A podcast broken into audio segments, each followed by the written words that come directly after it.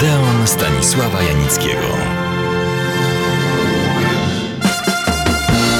Było ich trzech, niczym trzech muszkieterów. Marlon Brando, Montgomery Clift i James Dean.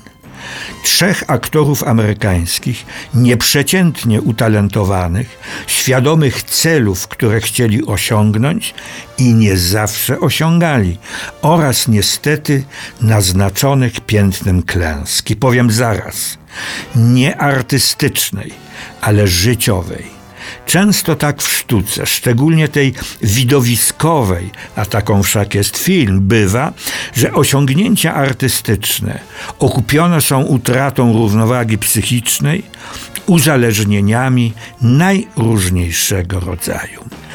W tak rozpalonym do białości, i groźnie bulgocącym tyglu, jakim był w dawnych latach Hollywood, sąsiadowały ze sobą nie tylko na ekranie, przerobione przez scenarzystów, następnie reżyserów, dramaty i krotochwile z prawdziwymi dramatami, losami, często tragediami tych, którzy byli solą tej hollywoodzkiej ziemi. O jednym z tych muszkieterów, niezwykłych aktorów, buntowników, którzy ten bunt okupili jakże boleśnie, chciałbym Państwu teraz i w następnych tygodniach opowiedzieć. Bohaterem naszych spotkań będzie jeden z najznakomitszych aktorów amerykańskich, Montgomery Clift. Żeby Państwu go po wielu latach przypomnieć, powiem, że najważniejsze i najlepsze role zagrał w takich filmach jak Rzeka Czerwona, Dziedziczka, Miejsce pod Słońcem, Stąd do Wieczności, Młode Lwy, Wyrok w Norymberdze, Skłóceni z życiem, czy tytułowa rola w filmie Doktor Freud jakie w tych znakomitych, w końcu hollywoodzkich filmach, jakie postaci grał, a właściwie kreował, bo nadawał im piętno swojej duszy, swoich przeżyć, swoich przemyśleń, swoich gorzkich doświadczeń. Zacznę trochę od pieca. Montgomery Clift był ściśle związany ze sławnym i dla aktorstwa nie tylko amerykańskiego bardzo ważnym, no nie wiem jak go nazwać, warsztatem twórczym, szkołą, laboratorium.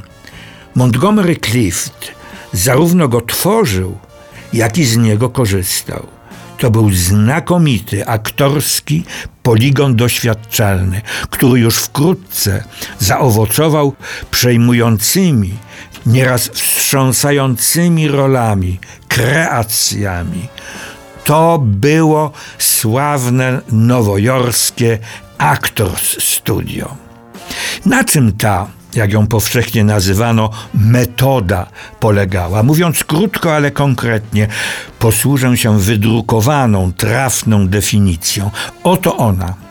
Metoda wzorowana była na teatralnej koncepcji gry aktorskiej Konstantego Stanisławskiego, polegającej, i to jest najważniejsze, na całkowitym utożsamianiu się aktora z kreowaną postacią. Otwieram nawias. W przeciwieństwie do metody, według której aktor powinien graną postać chłodno, intelektualnie interpretować. Powiem zaraz, i ta metoda ma prawo bytu ale w warunkach hollywoodzkich już samo utożsamianie się aktora z graną postacią było prawdziwą rewolucją. Wszak w fabryce snów obowiązywały schematy, zarówno w tym o czym i jak się opowiada. Jednym z tych buntowników był obok Marlona Brando i Jamesa Dina właśnie Montgomery Clift. Skąd się wziął? Urodził się w 1920 roku w stanie Nebraska. Pochodził więc ze środkowego zachodu. Bez nadmiernej nadinterpretacji trzeba odnotować, że z tego samego regionu pochodzili Marlon Brando i James Dean, dwaj inni wspomniani już muszkieterowie nowego nie tylko filmowego aktorstwa. Rodzina Cliftów bardzo szybko jednak opuściła te prowincjonalne regiony i przeniosła się najpierw do Chicago, a następnie do Nowego Jorku. To tu ojciec Montgomery Clifta pracował i to z powodzeniem jako makler giełdowy. To powodzenie przełożyło się na to, że Montgomery, powszechnie mówiono o nim Monty, wraz ze swoimi siostrami bliźniaczkami pobierał nauki w szkole z internatem w Szwajcarii. Natomiast przedłużone wakacje spędzali na Florydzie. To tu Monty zetknął się z teatrem wygrał przesłuchanie i otrzymał rulkę w sztuce, gdy mężowie odchodzą. Tak się złożyło, że przyjaciel rodziny, producent sztuk na Broadwayu, dał mu list polecający i Monty jeszcze przed ukończeniem liceum, małoletni, otrzymał rolę na Broadwayu w sztuce Matka Natura. Już wtedy widoczne było, jak wspominano, że nie występował dla sławy czy pieniędzy, ale dla sztuki. Nic dziwnego, że gardził Hollywoodem, tą zakłamaną fabryką snów. Tylko inteligentnym reżyserom zawdzięczać należy, że zobaczyli w nim prawdziwy talent aktorski. I nie tylko. Pierwszym który dał mu szansę, był znakomity reżyser Howard Hawks.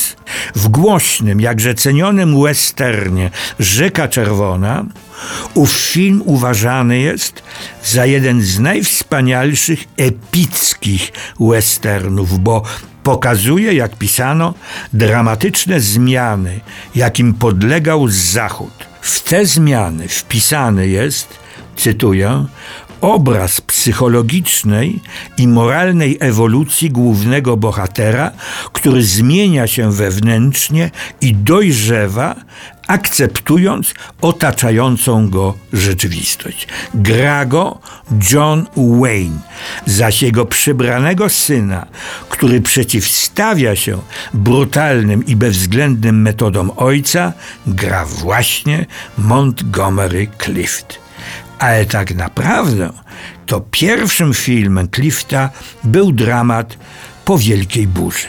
Ale o tym i o dalszym losie Montgomery Clifta opowiem Państwu za tydzień. Serdecznie do Odeonu zapraszam.